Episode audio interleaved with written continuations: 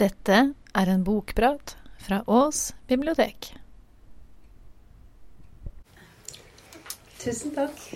Og veldig, veldig hyggelig. Jeg, jeg, jeg, kjente når jeg skulle dra i dag, at jeg gledet meg veldig.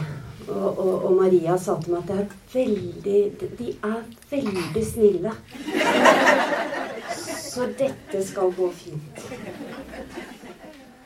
Og så kjørte jeg bortover veien, og det første som skjedde, var at det var en svart katt som passerte. Og så tenkte jeg Guri malla, hva kan skje?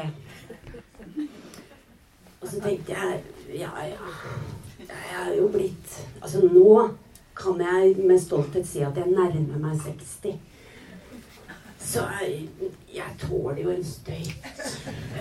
Det får vel gå bra. Og så kom gamle Maria, som er en av disse damene som jeg skriver om, fram. Og hun er egentlig ikke veldig hyggelig. Eh, så hun valgte å snakke til meg da eh, rett etter katten. Og hun sa ja, de kommer ikke til å gå noe særlig greit. Det kan jeg bare si. Fly sånn rundt og vise seg og tro at den er noe. Og så hevet hun bitte lite grann på øyebrynene. Og så tenkte jeg Nå starter vi. Litt om meg selv.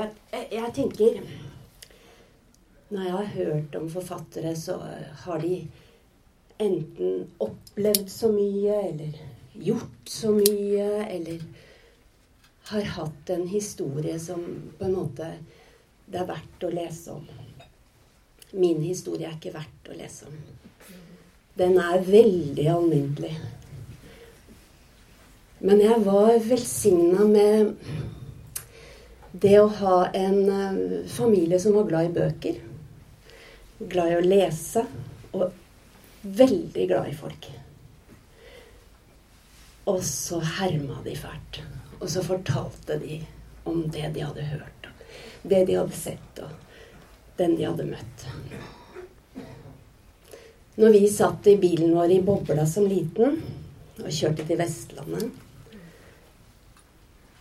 så kom vi til masse fergeleier, og hver gang så skulle moren min ut for å strekke på bena, sa hun. Når hun skulle ut og møte folk. Og så kom hun tilbake, og da hadde hun alltid møtt noen veldig hyggelige mennesker. De hadde felles kjente ofte. Og hun kunne fortelle en lang historie om et menneske hun aldri hadde møtt. Og jeg tror at det er noe av det som ligger i bunnen når jeg skulle skrive. Det er en eller annen sånn kjærlighet til mennesker. Og så blir man jo eldre, da. Og jeg var så flink til å vite, tror jeg som eldre, hvordan jeg skulle tenke som ung. Men så plutselig så kom jeg til et sånt punkt hvor jeg tenkte Men Mariann, nå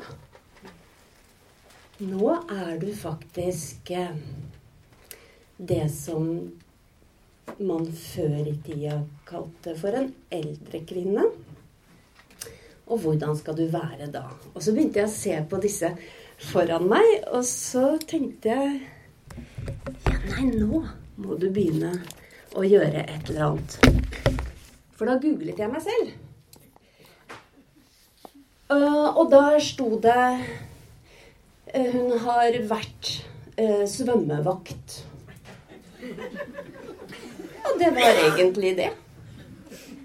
Og så tenkte jeg mm, nei, nå må jeg gjøre noe. Hva er det jeg syns er gøy? Jo, jeg syns det er gøy å skrive. Og så syns jeg det er gøy å fortelle og snakke. Og så syns jeg historier er morsomt. Og så er jeg så heldig at jeg jobber som lærer og har barn. Og jeg vet jeg vet at spill og data og alt dette her er kjempegøyalt for barn i dag. Men jeg vet også at de elsker historier. Og de elsker fortellinger. Og de elsker å bli snakka til og fortalt om. Og så skrev jeg en barnebok som het 'Fortell en historie til'. Og det var egentlig ment som en bok til voksne for å lese for barn. Og så kunne de assosiere. Ja, men jeg vet. Da jeg var liten, så For det er så gode sånne samtaleåpnere for barn. Og det var veldig gøy. Men denne boken er litt sånn som da jeg husker det som barn. Så den var litt sann. Litt er mye løgn der òg. Men så tenkte jeg etter det at nå har jeg lyst til å skrive en roman. Og så hadde jeg en dame som hadde så fryktelig lyst til å skrive om. Og hun het Kristina. Og jeg hadde bestemt meg for at denne kvinnen skulle jeg skrive, men så dukka gamle Maria opp først og skjøv Kristina til side. Og gamle Maria, ja, som dere forsto innledningsvis, så kan jo hun være litt brysk. Maria, kom inn og lukk døren, for vi skal høre på andakten. Jeg burde ha visst at mormor satt inne på kjøkkenet på divanen med hendene foldet. Jeg kan ikke ha vært mer enn åtte år gammel der jeg sto med ett ben over dørstokken nær frelsen og ett ben i gangen nær friheten. Blikket mitt var festet på vannglasset med blomster i som sto på kjøkkenbordet under vinduet. Tre prestekrager og en blåklokke hadde altfor god plass i den provisoriske vasen, men snart måtte jeg løfte hodet og se på henne. Strenge mormor. Som ikke forsto at andakt på radio var noe av det kjedeligste jeg kunne bli bedt om å høre på. Kom hit, sa hun og klappet på divanen. Hun hadde samlet det grå håret sitt i en knute, og et skjørt hårnett holdt det hele på plass. Jeg studerte den gamle, litt gule huden hennes, trakk inn lukten av noe søtlig blandet med noe emmet. Rynkene hennes fordelte seg som en nettverk fra pannen og ned langs kinnene. Huden hadde løsnet fra skjelettet, og den sank saktmodig nedover.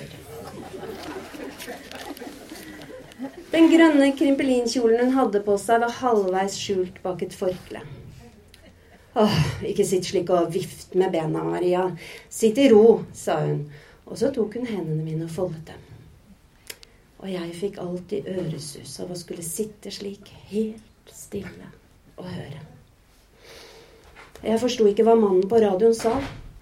Men mormor fortalte at vi gjør gale ting, og at Jesus har gitt oss tilgivelse.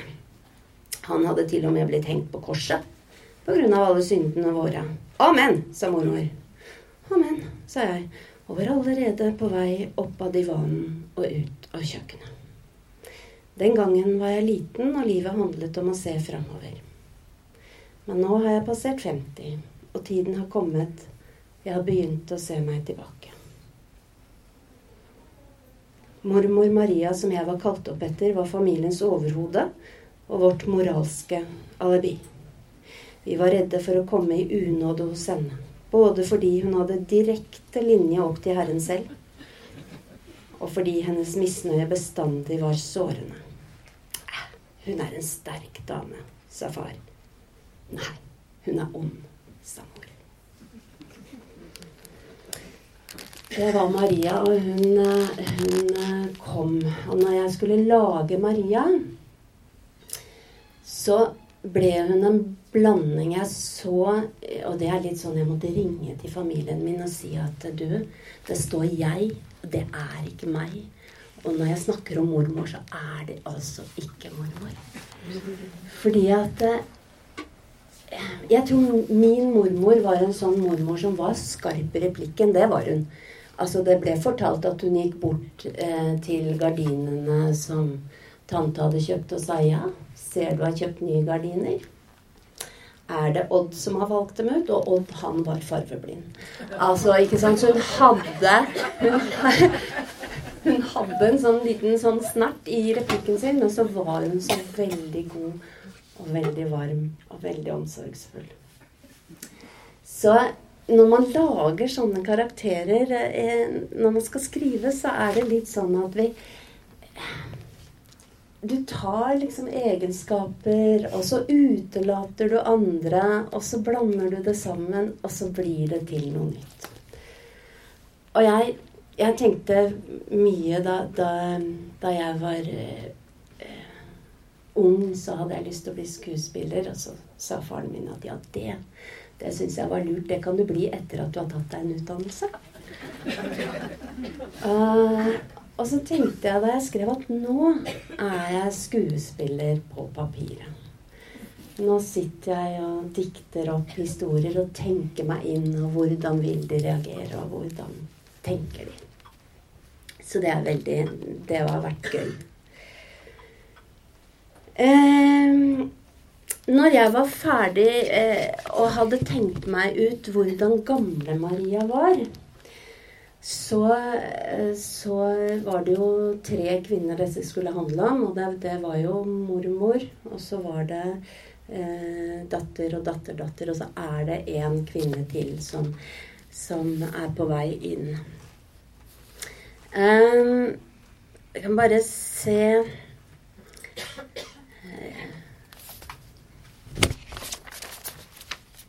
Ja.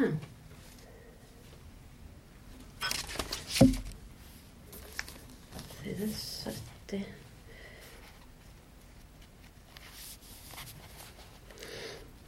Dette blir jo litt sånn Dette er jo en roman som er delt inn i to lag, på en måte. Det ene handler om Maria sin oppvekst og bakgrunn. Og så er det også en, en kjærlighetshistorie og, og, valg hun har gjort og ikke gjort. Og så har hun kommet opp i en situasjon nå i voksen alder hvor hun kan endre eh, livet sitt. Og hvorvidt hun vil det eller ikke, det, det, det får vi se. Men i alle fall så er det litt sånn at når jeg har skrevet, så er det noe av ikke sant? Man tenker jo litt eh, for her spør, eh, spør, Maria, som er hovedpersonen, sin elskede Så spør hun Har du oppnådd det du drømte om? spør jeg. Du får det til å høres ut som vi er 100 år og skal dø, svarer han. Ja, du unngår spørsmål, spørsmålet, slår jeg fast. Så går vi en stund. Lyden i skogen er overveldende. Nei, mine drømmer endrer seg hele tiden, så svaret er nei, sier han og strammer grepet rundt hånden min. Og det er litt sånn Jeg tenker at det er jo viktig å ha litt drømmer og ha litt lyst til ting og ha Det er bare gøy. Moren min sa bestandig Du trenger ikke å bli noe av det, vet du, Mariann. Det er gøy bare å tenke på det. Det er litt sant.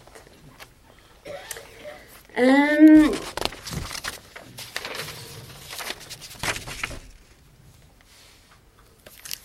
her står det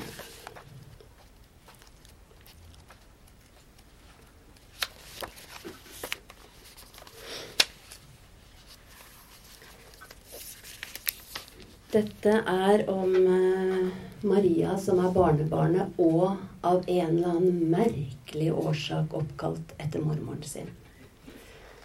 Det Så hun heter også Maria. Og her er Maria i nåtid. Jeg tar duken med meg og legger den på badet for å huske at jeg skal fjerne kaffeflekken. Hva er det som former oss? Er det arv og miljø? Eller er det svik og kjærlighet? Er det hvordan vi har det? Eller er det hvordan vi tar det? Hm. Da jeg var liten, så skrev jeg 'Lev vel' i minnebøkene til venninnene mine. Som et lite kors skrev jeg det. Men i dag, i dag skal alt være rettlinjet og lykke, lykke, lykke. Jeg går tilbake på kjøkkenet og tar meg en kopp kaffe til. Livet overrasker alle, tenker jeg. Småfuglene spiser fremdeles frokost, så jeg blir sittende. Kjøleskapet durer forsiktig, og oppvaskmaskinen lager sin deilige 'jeg gjør jobben'-lyd. Jeg føler en slags fred igjen, og vurderer å sende Vår Herre en takk. Fred er en god, men sjelden følelse. Og det er litt sånn jeg, jeg må jo fabulere og tenke litt over alle disse forventningene som folk har til at de skal være, de skal være så lykkelige. Livet skal være så Vi skal ha det så fint. Det er jo ikke sånn. Livet er jo livet, det. Og så er det bra noen ganger, og så er det ganske mye verre andre ganger. Og det også Jeg har jo unge Jeg har jo unge, unge voksne hjemme. Jeg tenker at jeg må passe på det. Så vi må passe på at de som er unge, skjønner at livet ikke er som en sånn glansbildeaktig sak av at det skal være så bra. Må tåle en støyt, sa moren min. Pytt, sa hun. Når det var et eller annet jeg var lei meg for. Pytt. Det går bra. Ja. Um,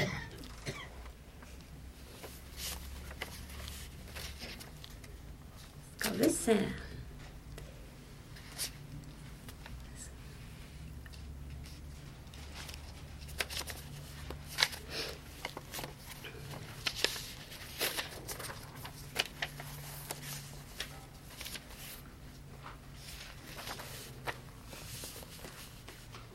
Mm.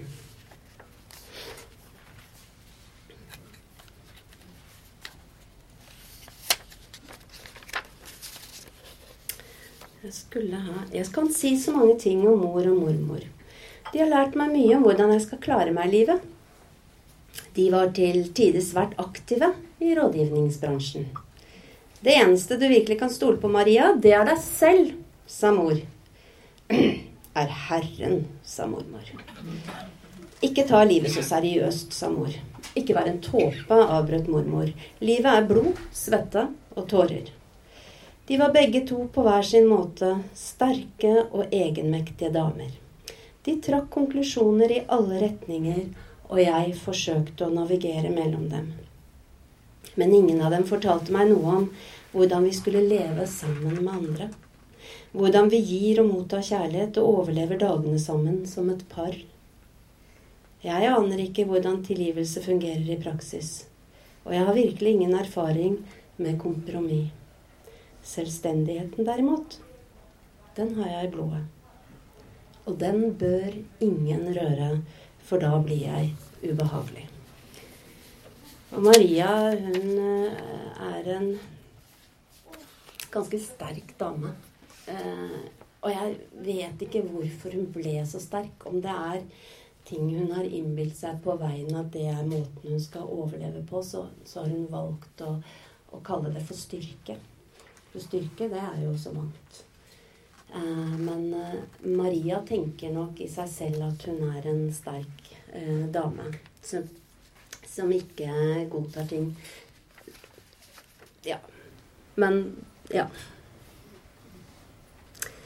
Eh, jeg tror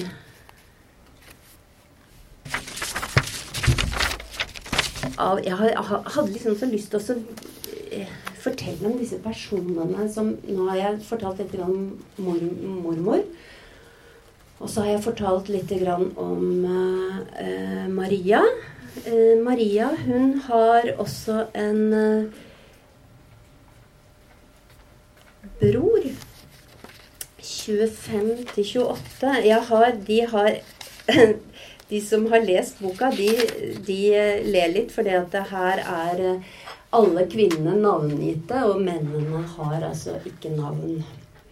Eh, og det kan provosere enkelte eh, av og til. Jeg leste et intervju hvor det, eh, hvor det var stilt spørsmålstegn med hvorfor mennene ikke eh, hadde navn. Og jeg har helt sånn klare ideer bak det. Eh, for det er så lett å assosiere eh, bilder og ting med navn. Men det er ikke sånn at for det var et sted var en journalist som hadde stilt Er ikke forfatter Augestad glad i menn? Og så tenkte jeg jo da, det er jeg. Men, eh, men, men, akkurat i denne boken så var det viktig at de ikke fikk navn. Men Bror han har fått et navn. Og jeg har bare lyst fordi at eh, det sier Altså, Marias forhold til broren sier også lite grann om, om Maria.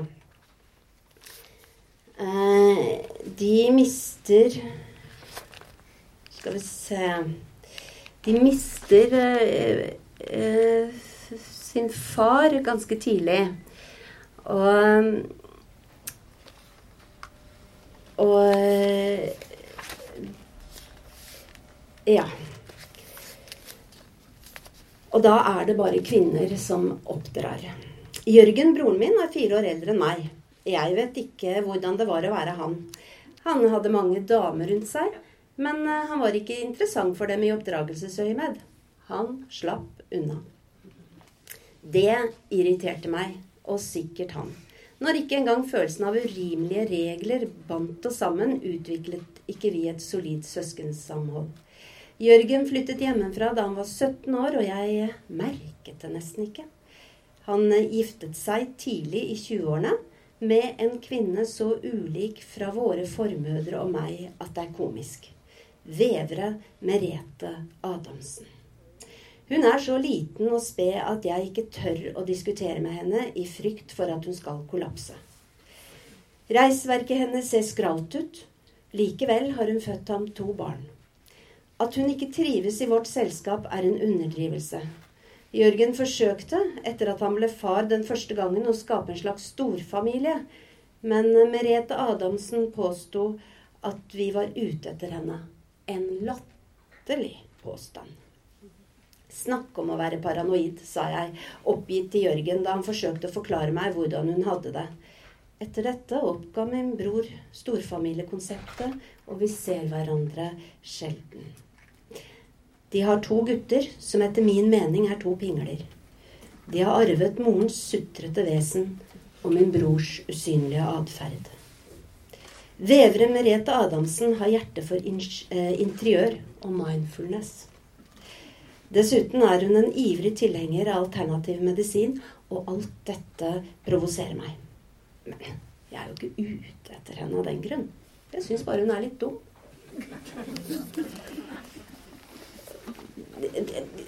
Så det kan Maria kan være litt litt vanskelig av og til. Hun ser det kanskje ikke så godt selv. Så er det disse tre mennene i Marias liv. Det er min elskede, som hun treffer som ung. Uh, som er eldre enn henne, og som er gift. Og som aldri velger henne. Og så er det erstatteren. Og så er det studenten fra Skillebekk. Å, min elskede side 90. Får se. De har et langt og flokete eh, forhold. Og eh, moren til Maria sender Maria av gårde eh, for å studere og bli journalist. Og da tenker moren at det er greit at hun kommer seg langt unna. Så hun blir sendt til Vestlandet. Og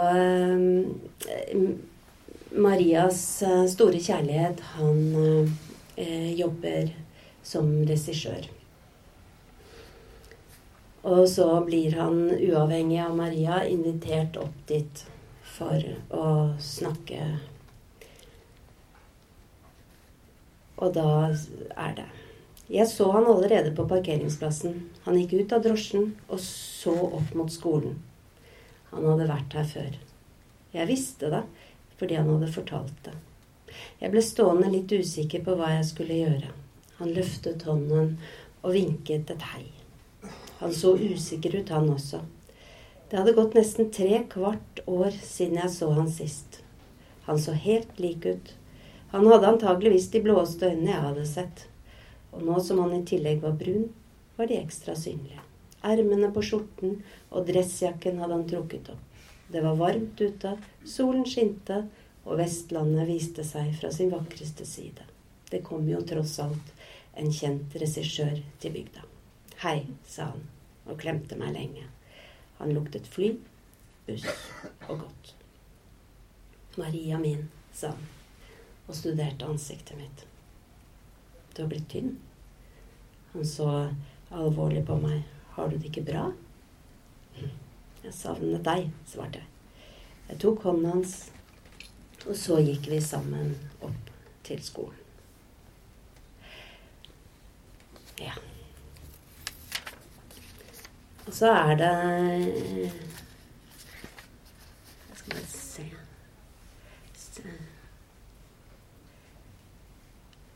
Fordi at dette er en mann som hun er veldig glad i, men som nok sårer henne mye. Og som hun ikke skulle Skulle ikke brukt livet sitt på han. Det må jeg bare si. Det syns jeg er fryktelig dumt. Det var irriterende at jeg skrev. Men, så, men, men, det ble altså sånn. Jeg vet jo hvem hun burde ha, ha satsa på. Eh, side 105 står det. 106. Jeg må jo la dere få lov til å hilse på erstatteren. Jeg traff erstatteren hos Anders, og nå er vi fremdeles i studietiden. Jeg traff erstatteren hos Anders rett før sommerferien, da mitt første år som student var over. Det høres ikke bra ut at jeg kaller ham for erstatteren, men det var det han var. Han erstattet min følelse av ensomhet. Han var slank, lyshåra og ett år eldre enn meg.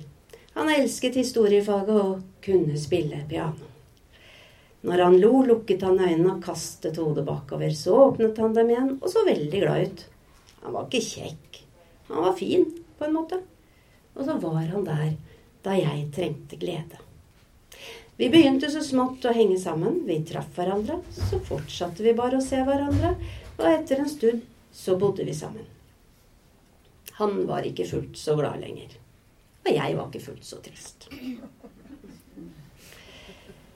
Jeg fortalte ham om min elskede. Erstatteren mente at min elskede var en løgner som umulig kunne elske meg. Man er med den man elsker, sa han, og trakk meg inntil seg og tvang seg på. Så Ja. Det 33 Hopper jeg fælt for dere nå? Blir dere helt forvirra? Går det greit? Så bra. Eh, Maria hun eh, var hos mormoren sin som liten. Nå er vi tilbake da hun var liten. Og hun opplevde å bli kalt vakker. Og i dag er alle så vakre. Barn er så vakre. Og de har egne Facebook-sider, og mor og far legger dem ut i alle fasonger. Og alle bilder, og, og det er ikke til å tru. Og det er blitt liksom et mål eh, å være så vakker. Det var ikke sånn for Maria. Jeg husker den første gangen noen kalte meg vakker. Da var jeg rundt 16 år. Jeg var i butikken for å kjøpe Ata skurepulver til mormor. Nei, så vakker du har blitt, sa hun, naboen til mormor, og klappet hendene sammen. Hun sto bak meg i køen, og flere mennesker kunne høre henne. Jeg husker at jeg løp tilbake til mormor med blå ata og små sommerfugler i magen. Fru Larsen sa jeg var pen. Jeg ga mormor tilbake pengene, og mormor la fra seg kronestykkene, grep fatt i haken min og studerte meg nøye. Hun snudde hodet mitt både til høyre og venstre. Nei, sa hun. Du er ingen skjønnhet. Takk Gud for det. Det er av og til at jeg tenker at vi må huske på å framelske de andre egenskapene eh, også. Nå var jo ikke mormor flink til det heller, hun da. Men, eh, men, men hun kunne. Jeg ser tenker at vi er vel ikke så langt unna hverandre i alder, dere og jeg. Og jeg tenker at i 60 Ja. De har vært på kjøretur. Moren til Maria, Anna, Anna Elisabeth Holt Jacobsen, har kjørt datteren sin opp til Vestlandet, og i bilen så diskuterer de eh, Og de diskuterer aller helst Maria. Anna vil ikke snakke så mye om seg selv. Jeg eh, Ja Husker du Nei, jeg tror kanskje jeg må lese litt før. altså. Jeg må lese rett og slett litt om Anna for dere, for dere har ikke hørt så mye om henne. Når en dør lukkes, åpnes en ny, sa mor med et ettertenksom nikk for å understreke egen klokskap. Hun var full av visdomsord. Bilen var pakket til randen av hva den var ment å tåle. For nå skulle altså eh, Maria ut og studere. Vintertøy, dyne, pute, stereoanlegg. Bare anlegget alene tok jo halve plassen. Både platespiller, kassettspiller og radio i ett. Full pakke. To svære høyttalere fulgte også med. Og så hadde jeg pakket med bøkene mine. Herbjørg Wassmo, Anne Karin Elstad, Susanne Brøgger, Dea Trier Mørk. Jeg hadde altså grått meg gjennom tusenvis av sider, lest om vold og overgrep, kvinneundertrykking og frigjøring. Jeg hadde lest på meg skjeve hornhinner og et litt negativt syn på mannen. Men jeg måtte ha med meg bøkene. De skulle stå i bokhyllen og vise folk hvem jeg var. Turen var lang, og mor kjørte. Siden vi ikke hadde radio, så måtte vi prate. Ikke gå over bekken etter vann, fastslo mor smilende. Hvor kom det fra? bekken, vannet. Det ga ikke noe mening. Jeg studerte mor. Hun var så levende. Ansiktet hennes endret seg konstant. Hun lo og småpludret, enda jeg visste at hun syntes at dette var vanskelig. Jeg forsto det. Jeg hadde hørt kjærlighetserklæringer fra min mor så langt tilbake jeg kunne huske. Jeg hadde aldri vært i tvil om at jeg var elsket. Mor viste sin kjærlighet med store gester og myke ord, slik mormor viste sin misnøye med små gester og spisse formuleringer. Jeg så på henne og kunne se hvor lik hun var broren sin, jazzmusikeren. Håret hennes var mørkebrunt og pent krøllet. Hun rullet opp selv, med krøllspenner. Hun og tante pleide å ta permanent på hverandre. Og da kom tante hjem til oss, og så luktet det frisør i hele huset. De småkranglet konstant. Tante hadde med kake. Tropisk aroma. Og den smakte forferdelig, syns jeg. Jeg, forsø jeg, forsøkte å få mor til å be tante om å ta med en annen kake, men det gjorde hun ikke. Nei da, hun frøys ned kaken og påsto senere at hun hadde bakt den selv. Mor bakte aldri. Ikke engang julekaker. Nei, jeg liker ikke å bake, sa hun bare. Mor var bestandig glad når tante dro hjem. Å, hun er så sta, sukket hun. Også så bortskjemt, la hun til. Jeg tror ikke jeg orker henne mer. Mor brukte sterke ord og sterke farger. Latinerblodet fløt tross alt i årene hennes også. Leppene var knall røde, som jeg elsket å se på henne når hun sto på badet og pyntet seg. Måten hun malte leppene på, med pensel og stift, som om hun la siste hånd på verket. Amorbuen ble først tegnet opp, så ble leppene fylt, og til slutt tok hun ark, et ark med toalettpapir, brettet det i to og la det mellom leppene og presset dem sammen. Det ble kunst. Jeg så munnavtrykket hennes seile rundt i toalettskålen før det forsvant som et virvlende kyss. Mor var en slags kunstnersjel. Lett og luftig, omsorgsfull og uforutsigbar. Da jeg var tolv år, kom hun tassende inn på soverommet mitt lenge etter at jeg hadde sovnet. Hun vekket meg og hvisket. Maria, Maria, eh, jeg skal støtte deg uansett. Hun hadde lest Sigrid Undset nok en gang. Og hjertet hennes blødde. Jeg ble veldig engstelig og lurte på hva det var jeg skulle komme til å gjøre. Som betydde at jeg trengte min mors støtte. Hun klappet meg på kinnet og la seg ned ved siden av. Uansett, gjentok hun. Og jeg kjente den myke kroppen hennes inntil ryggen min. Og den, svak, og den svake duften av liljekonvall gjorde meg trygg.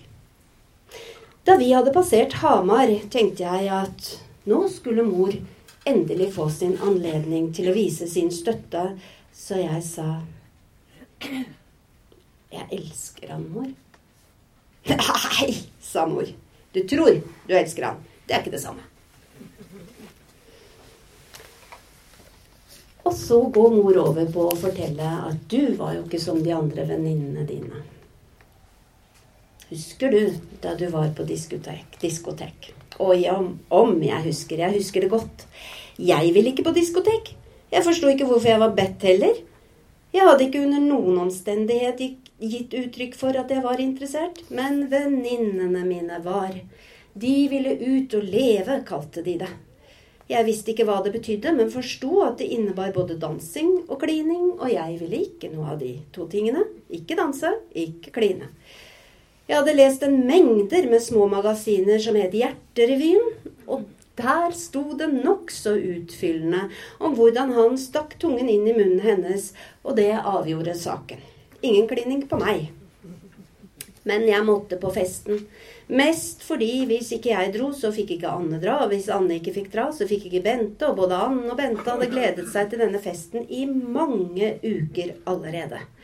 De kom og hentet meg klokken 19. De sto på trappen i syltrange puss og kram jeans med sine nyinnkjøpte lyseblå Catalina-jakker, og på leppene hadde de doble lag med rosa young yellow overdynget med seig lipgloss.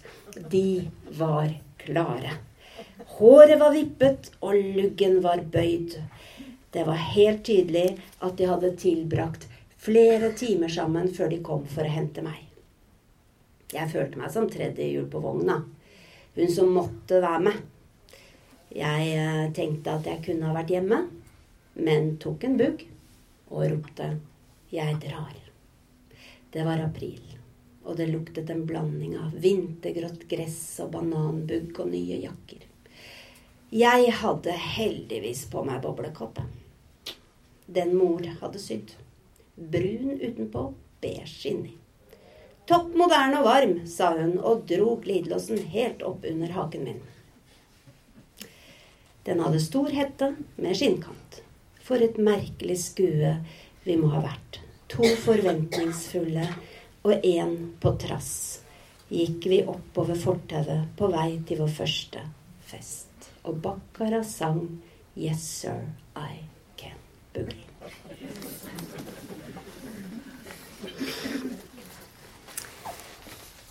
Eh, vi er jo i Ås. Her er det mange som har studert masse, sant? Eh, det, har jeg, det har jeg fått med meg at i Ås så er de både beleste og belærte. Så da er det litt sånn Da må jeg bare ta én ting til for dere. Er dere slitne? Helt sikre? Dere har lov å si ja. for jeg er vant til elleveåringer, og de er på vei ut allerede nå. nå, har du fått liksom nok. Um, jeg må ta, tror jeg, bare én snu til. Studietiden 75. Jeg har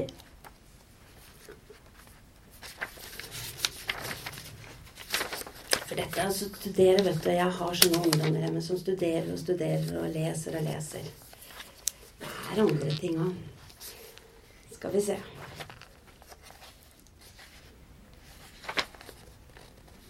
Ja. Vi var seks studenter som delte kjøkken og kjøleskap. Vi hadde ansvar for å rydde opp etter oss selv, og det fungerte i grunnen ganske greit.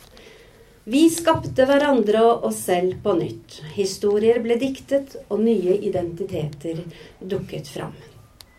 Vi var ingen og skulle bli til noen andre. Vi hadde bare ikke helt bestemt oss for hvem.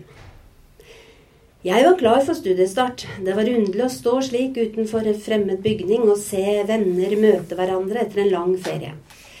Det var første gang jeg var helt alene uten å kjenne noen. Gjensynsgleden blandet, eh, blant de andre studentene var stor, og jeg tente meg en røyk og ventet på at dørene skulle åpnes. I klassen var vi 22 ungdommer fra ulike deler av landet i forskjellig alder med sprikende erfaringer. Vi skulle smelte sammen til årets kull. Vi var motiverte, spente og redde. Noen var veldig eksentriske. De kledde seg som om de var mer engstelige enn oss andre for å bli oversett. Studenter som kom rett fra videregående, var umodne. Men det var fascinerende likevel å se hvordan mennesker søkte mot hverandre. Og det er det jo. Tenk på de menneskene som vi møter i livet, som på en måte blir der for bestandig, så tilfeldig ting er. Nå skal jeg ikke plapre mer for dere, men jeg har veldig lyst til å si at jeg har bare lest stykkevis og delt. Og når jeg skal kjøre hjem igjen nå, så kommer jeg til å tenke Guri malla, forsto de hva boka mi handler om? Og Det tror jeg kanskje ikke, men det, det handler om noen som jeg er veldig glad i. Og så handler det om å få lov til å være ja, Hva skal jeg si? Det er et eller annet med at jeg syns at det er så stas å bli litt eldre. Og så blir det litt sånn som jeg sier, som mormor sa. Så lenge en har helsa, så er det jaggu meg ikke så verst.